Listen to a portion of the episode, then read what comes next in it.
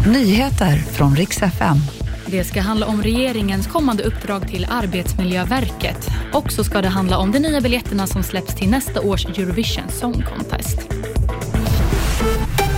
Vi ska börja med att regeringen ger nu Arbetsmiljöverket i uppdrag att börja genomföra fler fysiska och oanmälda kontroller av arbetsplatser. Anledningen ska vara på grund av den senaste tidens dödsolyckor på flera svenska arbetsplatser. Arbetsmarknads och integrationsministern Johan Persson säger i ett pressmeddelande att den senaste veckan har varit mörk med många fler allvarliga arbetsolyckor med dödlig utgång. Vi går vidare med Sveriges NATO-ansökan där Turkiets godkännande av ett svenskt NATO-medlemskap kan dröja fram till juli 2024. Detta uppger en källa inom Pentagon till Ekot.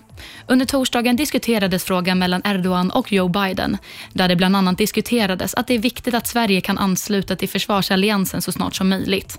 Det här enligt ett uttalande från Vita huset. Slutligen ska det handla om Eurovision Song Contest och det digitala biljettkaoset som bröt ut för några veckor sedan när biljetterna släpptes till tävlingen. Nu meddelar arrangörerna att fler biljetter släpps men uppmanar Eurovision-fansen att vara snabba då det kommer att säljas slut snabbt igen. Eurovision tar plats i Malmö i maj nästa år.